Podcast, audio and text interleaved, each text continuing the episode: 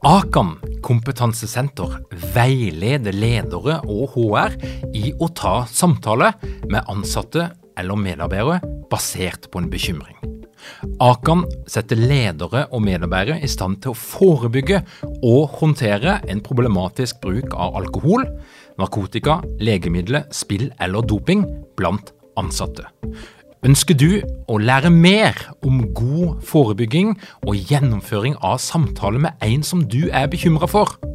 Da kan du nå få tilgang på Akan sitt digitale samtalekurs til spesialpris, kun 760 kroner.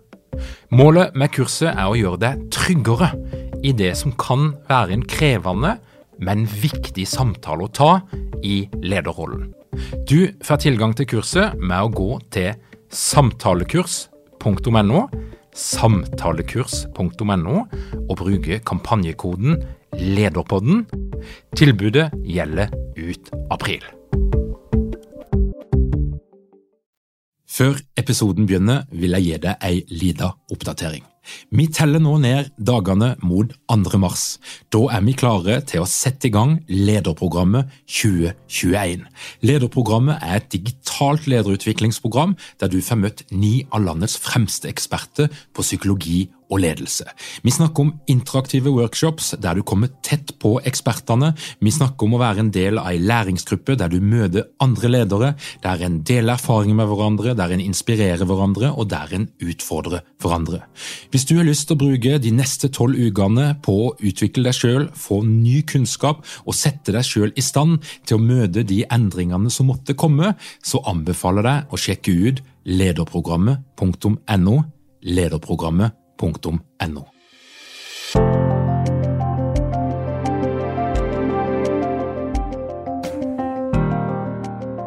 Hei og velkommen til Lederpodden.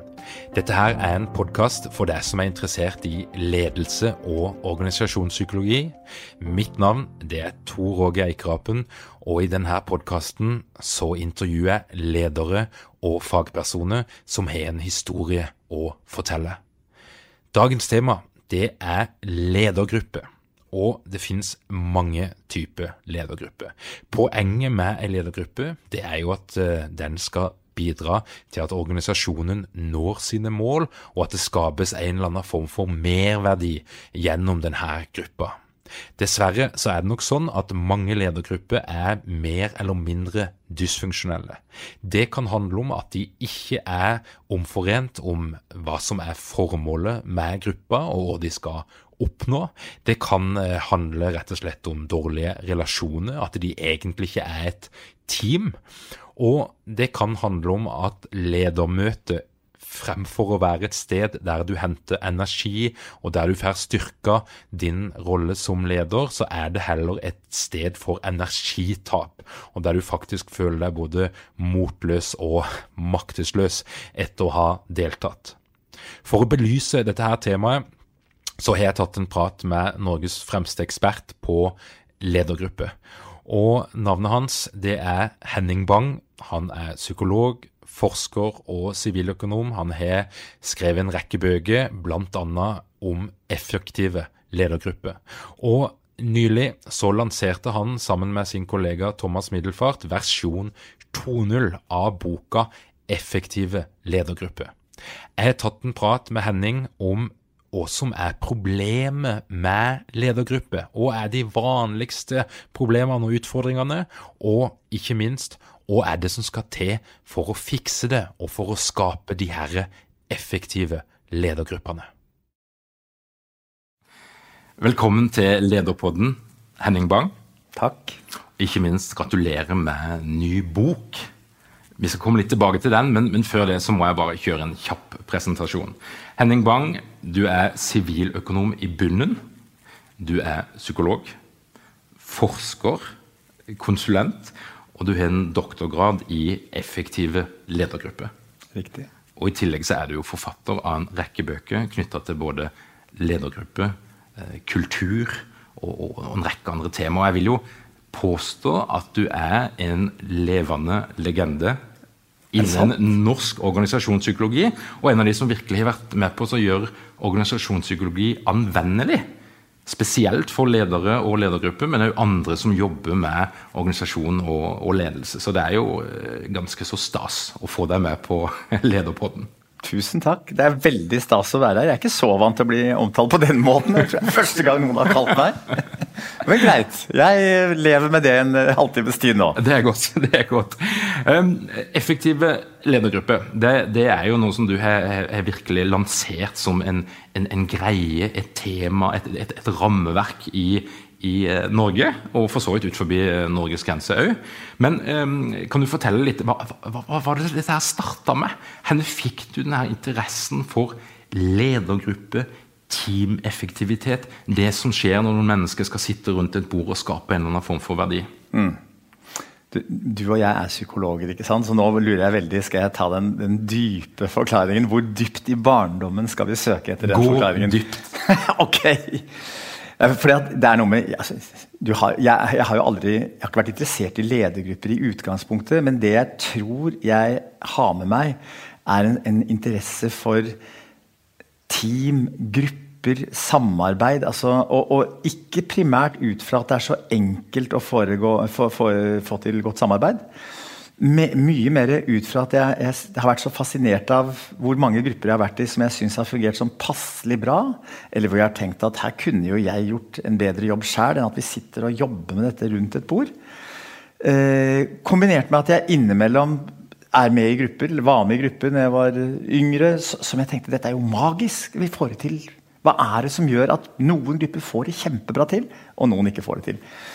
Så, så, Da jeg var ferdig siviløkonom, så gikk jeg rett opp på psykologi, for det var egentlig psykolog jeg ville bli. Eh, ferdig psykolog, så var det jo organisasjonspsykologien som lå der. ikke sant? Det kan kombinere siviløkonom og, og, psykolog.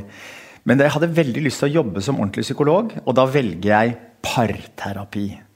Og jeg mener Det er ikke tilfeldig at det ikke er individualterapi. Det er nok en gang den derre Kan jeg få muligheten til å komme bak gardinene?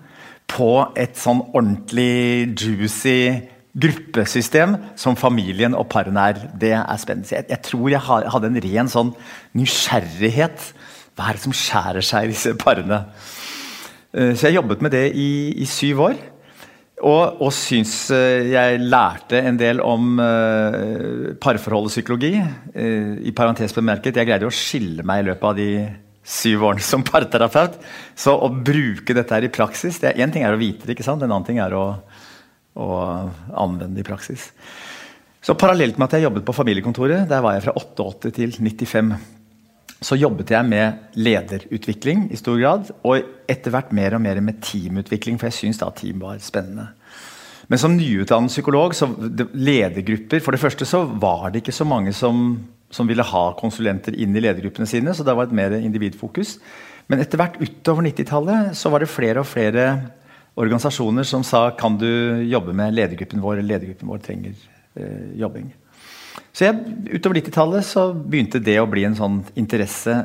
Også fordi at jeg oppdaget at altså, par er komplekse systemer, og familier er det. Eh, men de har nå ofte en felles prosjekt, mens ledergrupper når jeg kom inn i dem, så oppdaget jeg at de hadde veldig ofte ikke et felles prosjekt. De sa at de vil gjerne være et lederteam, men jeg oppdaget veldig fort at mange av dem oppførte seg overhodet ikke som et team. Eh, de var team, altså de lederne som satt i ledergruppa, de følte seg veldig knytta til de avdelingene de ledet. Der var de far til avdelingen eller mor til avdelingen. Og så møttes de en gang i uken i ledergruppa hvor de var veldig lite av et team. Og noen av dem nærmest tillitsvalgte for egen enhet, hvor de satt og kjempa for sine egne interesser. Til fortvilelse for den som ledet ledergruppa. Så det å liksom se for seg Er det mulig å få denne gruppa av ledere til å fungere mer som et team? Er det nødvendig? Det tenkte jeg. Jeg tenkte at det er, det er faktisk nødvendig. Det er for mange organisasjoner hvor det er siloer som jobber mot hverandre. Det er, det er usunn konkurranse. Konkurranse må det være, men den blir usunn. Um, så jeg tror det, det, startet, med, med, det startet på 90-tallet. Og så må jeg si noe annet. Uh, og dette er en melding som jeg håper går ut til alle konsulenter som hører denne poden. Um, for jeg greide meg helt utmerket uten å uh, Altså, jeg hadde liksom noen verktøy i kassa mi. Jeg hadde Belbins teamroller. Og det funker som juling skjønner du, når du jobber med teamet. Kartlegg teamrollen og få folk til å snakke om det. Og jeg hadde et par andre verktøy. Jeg hadde noen sånne legomannøvelser. Og vi, vi, gjorde en del sånne øvelser. Men som psykologer så er vi pålagt å jobbe evidensbasert, som det så fint heter. Det vil si at vi skal basere det vi gjør, på god forskning. Og jeg begynte å stille meg spørsmålet både til meg selv og til mine kolleger som jobbet med ledergrupper. Hvor mye av det vi driver med med ledergruppene, er evidensbasert? Vet vi, Har vi forskning som støtter at de blir bedre av å ta teamrolletesten til Belbin? Eller til å bygge en legomann? Uh, og jeg fikk jo gjenkjøp, jeg, så jeg kunne si jo da, det virker. Nja, nei, jeg er litt usikker på om det virker. Så mot slutten av 90-tallet så uh, søkte jeg om en stipendiatstilling rett og slett for å finne ut hva sier forskningen om hva som skal til for at en ledergruppe fungerer godt. Hva skiller gode fra dårlige ledergrupper? Og jeg regnet vel med å finne at det var ikke ett svar, og det var Belbins teamroller. er det det hele dreier seg om. Så fra 2001 til 2009 så var jeg stipendiat på universitetet. Nok en gang, altså Jeg brukte jo lang tid på den eh, doktorgraden min, sannsynligvis en av de lengste, men jeg jobba parallelt ved siden av. Så kombinasjonen av å forske på dette her, teste ut det jeg finner ut gjennom forskningen i praksis, det har vært veien min frem til en sånn nesten besettelse av ledergrupper. Så nå jobber jeg jo halv tid på universitetet, hvor det er teamforskning, men særlig ledergruppeforskning, og underviser studentene i teamarbeid. Det er den ene halvtiden. Og den andre halvtiden er jeg det jeg har lyst til å kalle håndverker. Som ikke er elektriker eller rørlegger, men jeg jobber med ledergrupper. Uh, har ennå ikke blitt lei av det, og kom, tror ikke jeg kommer til å bli lei av det når jeg er 62 år gammel. Jeg tror jeg kommer til å holde på i ledergrupper til jeg dauer eller ikke orker mer eller blir dement. Ehm, fordi at jeg syns det er så utfordrende og spennende å prøve å få dem til å fungere bedre. Og, og De ledergruppene som du jobber med eh, det, Når en leser om forskninga, så ser en at det er, det er, mye konsern, det er store virksomheter, store strukturer. Men, men, er det noe forskjell? Altså I hvilken grad påvirker størrelsen på organisasjonen, bransje, andre rammeforutsetninger, hvordan de her ledergruppene fungerer? Et, et, et jeg må prøve å svare todelt på det. fordi det, det, det, første svaret som dukker opp i huet mitt, er det er mye mindre forskjeller enn man tror. Um, så la meg gå ned den veien først. Altså, vi har, vi har, gjort forskning på veldig mange ledergrupper. Vi har samlet inn data gjennom et spørreskjema på rundt 400 ledergrupper, hvorav halvparten er fra offentlig sektor. Eh, stat og kommune, og halvparten er fra privat sektor. Og det er alltid spennende å se om de scorer forskjellig på 24 ulike variabler. Og om den ene sektoren fungerer dårligere enn den andre. og Det er veldig fristende da å sette opp hypotesen. ikke sant? Offentlig sektor er mye slappere og dårligere. enn Vi finner lite forskjell. Og Når vi også ser på hvilke problemer de rapporterer at de strever med som ledergrupper, så er det ikke noe stor forskjell. Så led, det er liksom folk er folk, ledergrupper er ledergrupper. Og er det, og er det mest dysfunksjonelle du har sett? Eh, hvis du skal se for deg altså ledergruppe der du kommer inn og du, du, du, blir bare helt sånn matt og motløs, for dette her, dette her funker ikke. Og du tenker at denne ledergruppa gjør mer skade enn godt for organisasjonen. Har, har du noen sånne historier som du kan trekke fram? Hvilken ledergruppe skal jeg oute? La meg nærme meg spørsmålet på en litt annen måte. fordi at jeg opplever eh, relativt sjelden at jeg, er, at jeg kommer over møkk dårlige ledergrupper. Skikkelig møkk dårlig. Da jeg gikk på, på, ungdomsskolen, så hadde vi jo karakterer som het eh, meget og eh, godt og noen og sånn. Sånn at den derre lite godt noen-ledergruppa den eh, ser jeg sjelden. Så de fleste ledergrupper ligger på sånn G pluss. Sånn at det, det, det, det, er ikke, det er ikke flust opp av sånne råttent fungerende ledergrupper. Men de gangene jeg ser ledergrupper som er katastrofalt dårlig fungerende, så er det nesten alltid fordi at det er en eller annen type person- eller relasjonsproblematikk. Og jeg, jeg, blir opptatt av det, Jeg trodde nok selv når jeg gikk inn i ledergrupper, at, jeg å, at liksom konflikter i ledergruppa var en vanlig sykdom i ledergrupper. Det ser det ikke ut til å være. Nå har jeg for moro skyld gjort en opptelling av ledergrupper jeg har jobbet med de siste fem årene, og sett liksom hvor mange av dem er det som primært lider av elendige relasjoner. Og da snakker vi om 10-15 15 kanskje av dem. Så de fleste har ikke det. Men du spør etter liksom de, de skikkelig elendige ledergruppene. Og da, da, får jeg gå rett på ballen. Det er der topplederen, den som leder ledergruppa, er en katastrofe og ikke ser det sjæl.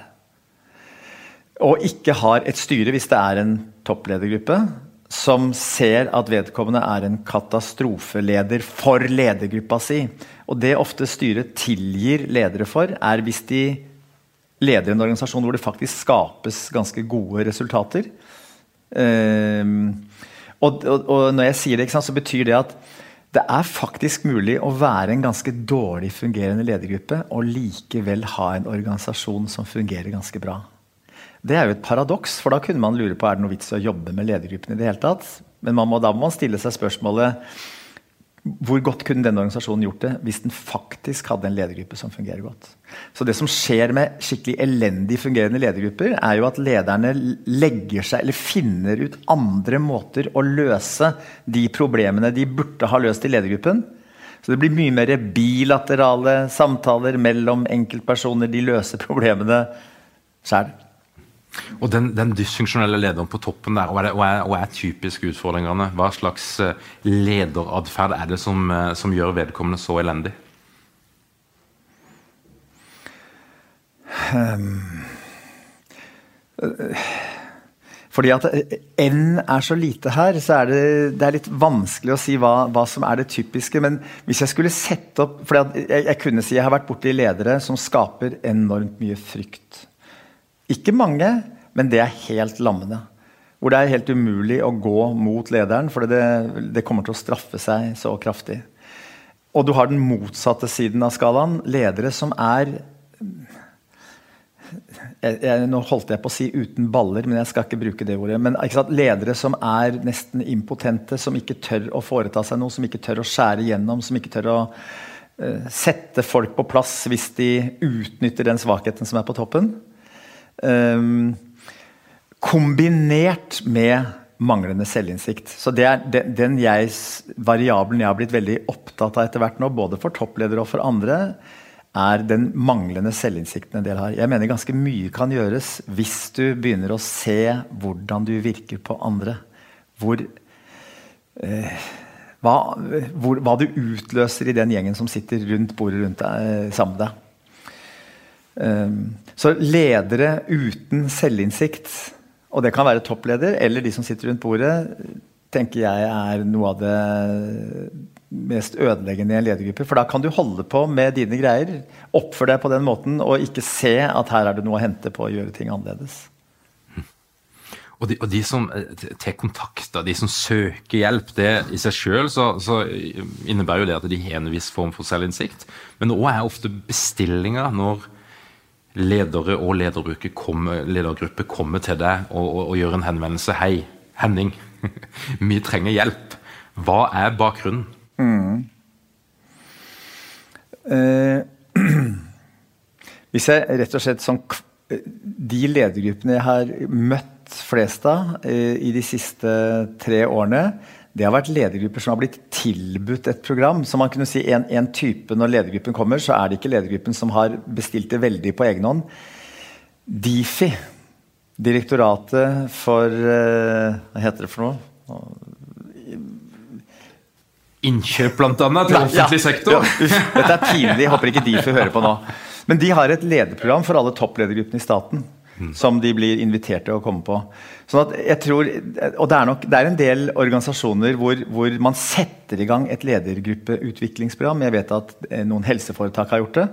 Sånn at De melder seg ikke på, men noen i HR eller en eller annen organisasjon har funnet ut at nå skal vi drive ledergruppeutvikling med mer eller mindre obligatoritet. Men, så Det er én liksom, gruppe hvor organisasjonen har bestemt seg for at vi skal løfte ledergruppene. Uh, men de ledergruppene som ringer, som, som, kontakter oss, der vil det enten være HR, det er ikke helt uvanlig, som har lest noe om ledergrupper, som har noe av jobben deres er jo å være ute med antenner. ikke sant? Og finne ut hvor, hva er det som dreier, hva er det markedet er opptatt av nå på utviklingssida. Og ledergrupper er i ferd med å komme som en kule de siste fem-ti åra så er etterspørselen etter ledergruppeutvikling mye større. Men ofte gjennom HR. Og da blir jeg første jobben å ha et møte med den som leder ledergruppa, eller direktøren hvis det er en toppledergruppe, og se er det direktøren egentlig sulten på dette her, eller er det HR som er sulten, og det er et innsatsarbeid overfor direktøren. Men jeg synes nok oftere og oftere så er det ikke bare HR som griner seg til ledergruppeutvikling og en motvillig direktør. Jeg synes oftere og ofte at de som sitter på toppen av en ledergruppe, er frustrert over at de føler at de ikke får utnytta ledergruppa si godt nok. At de ikke har med seg ledergruppa reelt sett som sånn Vi åtte tar ansvar for styringen av denne organisasjonen. At de er frustrert over at hver av de som sitter i ledergruppa, litt for mye tar ans bare ansvar for styring av sin enhet. Um, så jeg syns nok flere og flere direktører er opptatt av ledergruppeutvikling. Og ikke nødvendigvis fordi de fungerer så dårlig, men fordi at de tror de kan eh, rett og slett kjøre, styre organisasjonen. Få mer ut av organisasjonen hvis ledergruppa fungerte bedre. Og Da er jo litt av spørsmålet hva er oppskriften. For, for, eh, sammen med Middelfart så har jo du da skapt et rammeverk. Jeg vil anta at av og til så er du inne og gjør full pakke. Følger boka. Stemmer det? og andre ganger så er det mer stykkevis og delt. Jeg vil si nesten alltid så er det stykkevis og delt. Rammeverk i boka så beskriver vi et drøyt tyvetalls faktorer som man nå fra forskning og praksis vet at er vesentlig for at Har dere mange ledere uten trening eller utdannelse innen ledelse? Mangler dere en felles kultur og praksis for ledelse? Ønsker du kunne være bedre rustet for fremtidig vekst og endring? Da kan et internt lederutviklingsprogram være en god investering. I Execu så er vi eksperter på å designe og gjennomføre bedriftsinterne lederutviklingsprogram. Hvis du ønsker å lære mer om hvordan vi kan hjelpe dykken til å få enda bedre ledere, ta og klikk deg inn på execu.no.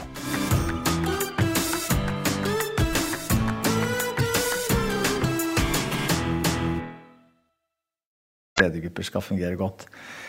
Eh, men når jeg jobber med ledergrupper, så eh, man kunne jo tenkt seg at jeg begynte på klart formål, riktige saker, riktig sammensetning, liksom fulgte boka fra kapittel én og utover.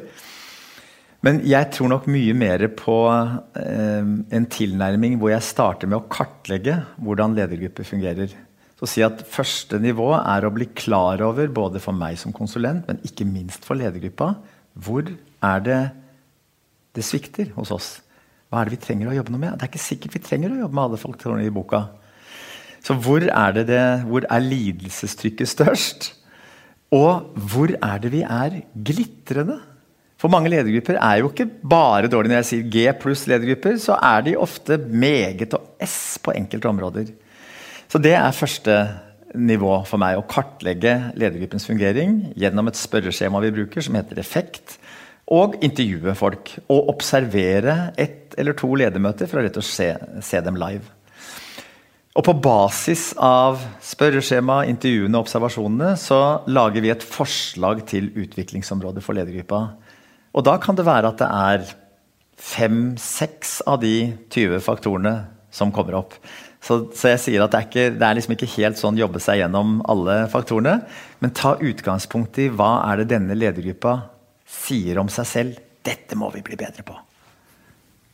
Og hva, og hva, hva, er det som, hvis du tenker de siste tre årene, hva er de vanligste tingene som en kan jobbe med, og som en ser gi effekt, altså at ledergruppa fungerer bedre sammen og forhåpentligvis skaper mer verdi i andre enden? Ja, du skjønner, det, det, det ser ut til å være fem hovedproblemer som ledergrupper sliter med. Og jeg blir mer nå, nå, skal jeg være en sånn kritisk forsker til meg selv også, men jeg, jeg kjenner at jeg blir, begynner å bli veldig overbevist om at vi fanger opp kanskje 80-90% av problematikken i ledergrupper gjennom de fem problemene. Så hvis det er noen ledergrupper som hører på dette her nå, så håper jeg de kjenner seg igjen. For det ene problemet det er mange, De fleste ledergrupper har ikke hatt en diskusjon om hva de er til for. Så jeg sier ofte til ledergruppen dere er en produksjonsarena. Er dere enige i det? Ledergruppen er en arena hvor det skal produseres noe. Ja, sier folk. Fint. Fortell meg, hva er, hva er det dere skal produsere? Hva er det dere har satt dere som mål å produsere på den ledergruppen? Og da blir det ofte litt stille. Det mener jeg er helt vesentlig. Hvis, du, hvis, du, hvis, vi sier at ledergruppen er et team, en produksjonsarena, så er det jo greit at folk veit hva vi skal holde på med der. Men jeg tror mange har tenkt at det trenger vi vel ikke å diskutere, for det kommer nå en agenda dagen før ledermøtet, og der står det hva vi skal holde på med i møtet. Så løft blikket og, og se for deg denne ledergruppen er en produksjonsarena. og Det ville vært nyttig om vi tar en diskusjon. Skal vi bruke den til akkurat det vi har brukt den til de siste fem åra, eller skal vi bruke den til noe litt mer? Vi bruker vi den nok til strategiske diskusjoner? Det er veldig mange ledergrupper på toppen som ikke gjør. For det er så trøkk med saker som kommer nedenifra, som ikke er strategiske, og sånn de må ta unna. Bruker vi nok av tiden på å diskutere reelle dilemmaer hver av oss har, kunne vi bruke tiden på det. Så det er den ene. Bruk tid på å diskutere hva dere skal bruke ledergruppa til. Og det andre ledergrupper sliter med, er ledermøtene. Ikke at ledermøtene må være så katastrofale. Vi har ett spørsmål i dette spørreskjemaet som heter 'Jeg får mye energi av ledermøtene våre'. Og på en syvpunktsskala så er det veldig mange grupper som ligger ned mot fireren. Altså nei, ikke så veldig mye energi. Så kunne vi løfte kvaliteten på ledermøtene våre gjennom bedre forberedelser til møtene, bedre sakspapirer, bedre diskusjoner, friskere diskusjoner. I det hele tatt begynne å diskutere, ikke bare være et informasjonsmøte.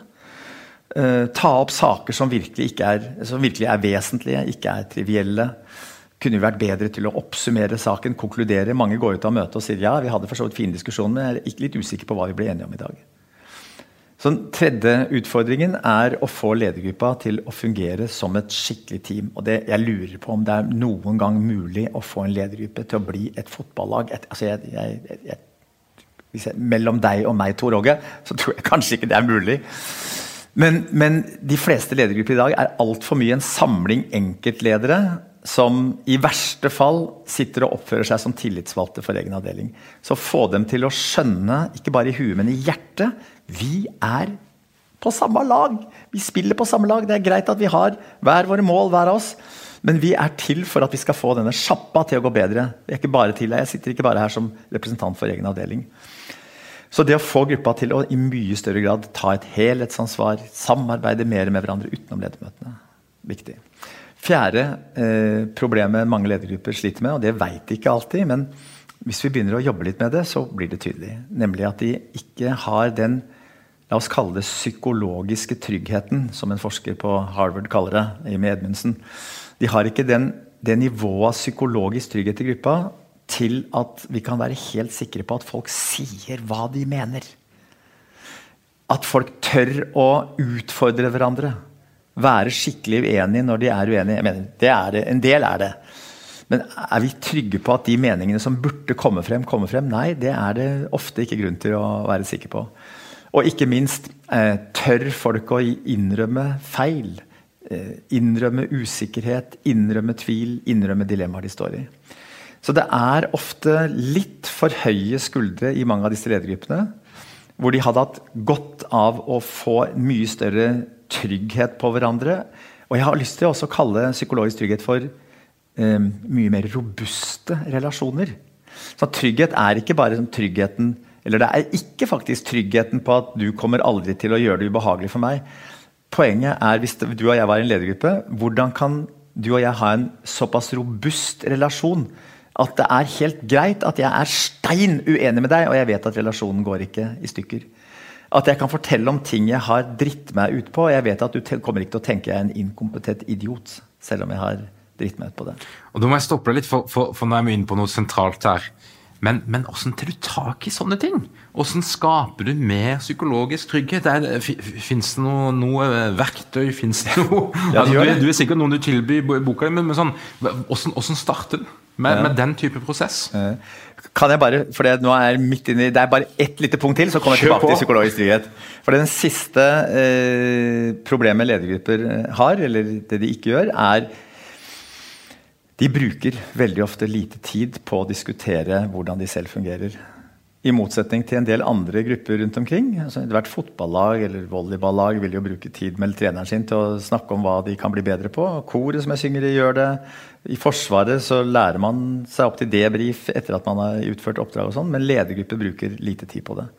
Så det å få ledergrupper til å skjønne at det er nyttig f.eks. i en periode å evaluere ledermøtene Mange syns det er noe herk å gjøre det, men sett av 15 minutter da, i en tremånedersperiode og diskuter hva fungerte bra i møtet i dag, hva kunne fungere bedre. Bruk en gang i år eller to ganger i året, så reiser dere bort eller er, snak, tar en dag til å diskutere.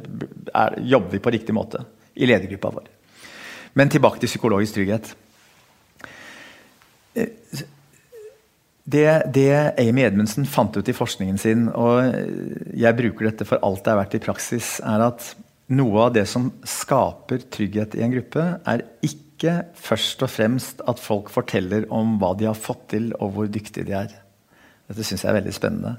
Det som først og fremst ser ut til å øke tryggheten, og det er nesten litt sånn på grensen til kleint å si det, men jeg sier det likevel, det er at du får folk til å dele det de er dårlige på, det de står fast i, det som er dilemmaene deres. Det er nesten litt sånn 'velkommen til klubben av dyktige mennesker som også kan feile'. Og Jeg må fortelle deg et veldig konkret eksempel på dette. For Google Corporation regnes som et av verdens mest vellykka firmaer. I 2012 så bestemte de seg for å sette i gang et forskningsprosjekt fordi de bruker team i Google. Og dette er team, Det er ikke psykologer, tror jeg er veldig få psykologer i Google, men det er masse eh, softwareingeniører som jobber sammen i små team. Og De oppdaget at en del av disse teamene fungerte kjempebra, en del fungerte middels, og en del var råtne, dårlige team. Små team. Så de satte i gang forskningsprosjektet for å finne ut hva skiller de skikkelig gode teamene i Google fra de skikkelig dårlige. Holdt på med dette en tre års tid. Og de eh, hadde masse hypoteser, f.eks. at det hadde med personene som var i gruppa Det var en, veld, veldig viktig, Jeg er sikker på at det var sammensetningen, men det var ikke det. De kom opp med en liste med fem ting som skilte de timene.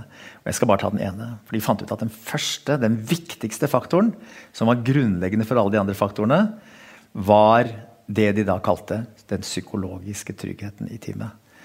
Så når du hadde tenkt deg at du har et, et nytt sånn eh, softwareingeniørteam, hvor det har kommet inn en nyutdanna fra MIT, kanskje, og så har du en eller annen guru som sitter på det teamet.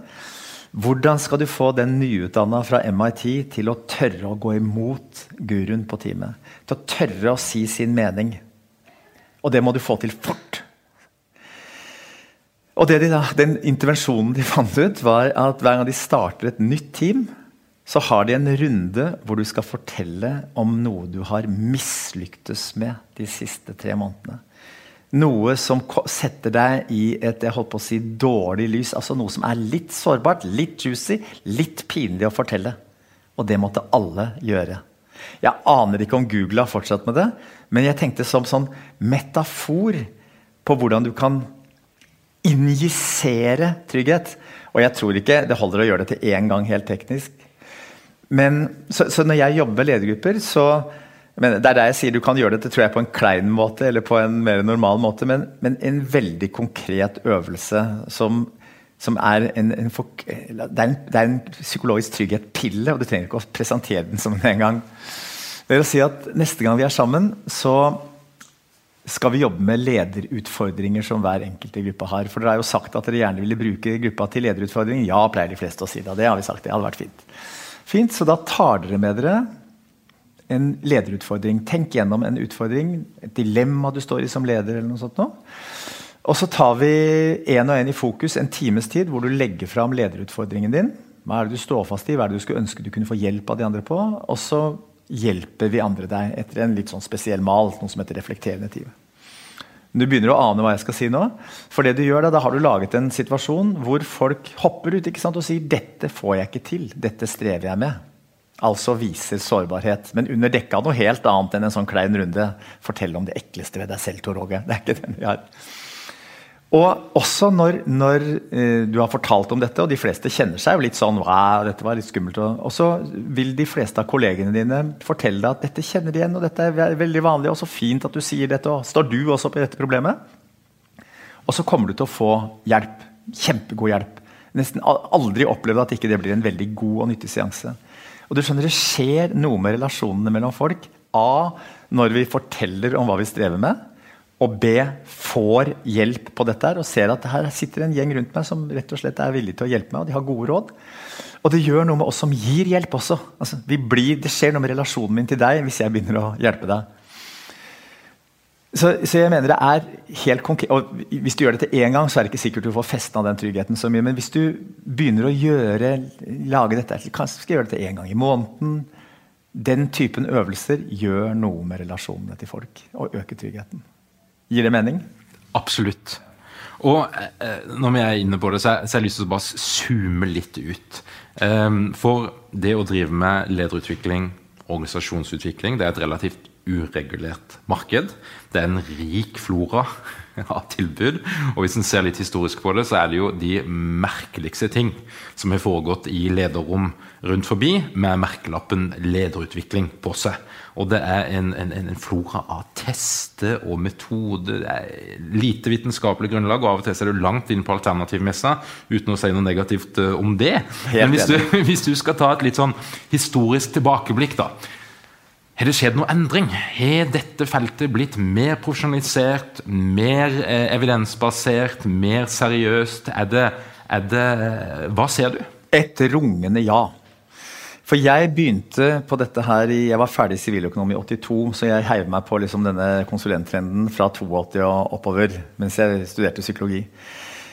Eh, jeg, for å gå rett på, på poenget her jeg opplever at ledergrupper og organisasjoner har blitt mye mer opptatt av Gjør dette at organisasjonen vår går bedre? Eh, sånn at jeg, jeg, har ofte brukt den formuleringen at altfor mange organisasjoner tidligere i hvert fall, blanda sammen effekt og affekt. Og veldig mange konsulenter, inklusive meg selv, solgte affekt. Det er følelser. Så, og det er masse øvelser du kan gjøre, eh, og masse ekle øvelser du kan gjøre som er terapi, terapiinspirerte, gruppeterapiinspirerte, som var veldig vanlig på 70- og 80-tallet. 60-70. Det er noe som heter sensitivitetstrening. Jeg har vært med på det. Fryktelig morsom berg-og-dal-bane, hvor du gir hverandre fryktelige tilbakemeldinger. Jeg husker det var en som hadde en øvelse eh, som jeg hørte om, hvor ledergruppa skulle gå ut, og så fikk de en pose med Seimen. Og Så sto stolene til ledergruppa igjen, så alle sammen gikk ut. Og så skulle du ta det antall seigmenn som symboliserte hvor godt du likte en kollega i ledergruppen, og legge på vedkommende stol. Og Så kom den tilbake til ledergruppa, ikke sant? og der lå det én stakkars seigmenn eller ingen seigmenn. Den typen øvelser, den typen utvikling, er jeg helt overbevist om at det var mye større aksept for, og mye mer salg av. Og, altså, det var sånn man drev gruppeutvikling og teamutvikling i gamle dager. Jeg er helt sikker på at hvis noen hører på dette her, og de er 50-60 år gamle, så kjenner de igjen dette her. Den typen utvikling er det blitt mye mindre av, og jeg tror den selger mye dårligere også. Og jeg, jeg vil si at det var, det, var, det var, nok akkurat det som fikk meg til å begynne å, å forske på dette. her, For jeg tenkte ledergrupper de, kan, de, blir jo sikkert mye bedre kjent med hverandre gjennom å ta Belbins team. Og de blir psykologisk trygge. Det gjør de også. Men er det nok? Nå har jeg snakket veldig om viktigheten av psykologisk trygghet, men det er noe med at det er ikke nok. Så det å jobbe med så beinharde ting som hva skal vi bruke ledergruppa til, hvilke saker hører hjemme her, hva er spillereglene for hvordan vi skal utforme sakspapirene til møtet, som er litt sånn uh, kjedelige ting, da. Det er kommet opp på radaren, tror jeg, til de fleste som jobber med med ledergrupper. Og Hvis det er noen der ute som ikke har skjønt at de er nødt til å jobbe med sånne kjedelige saksting også, så håper jeg de blir oppdaget. Hvis du er en leder som hører på dette her, du sitter og føler at det er altfor mye tid som blir brukt på altfor lite viktige ting i ledermøtet. Du kjenner at det er et energisug faktisk å være sammen med de andre lederne, og at du skaper ikke de resultatene som du tenker er mulig å skape. Er det én eller to små ting som den lederen kan gjøre for å ta tak og for å starte en prosess som til slutt kan bidra med at denne ledergruppa blir mer effektiv? Ja, det er det.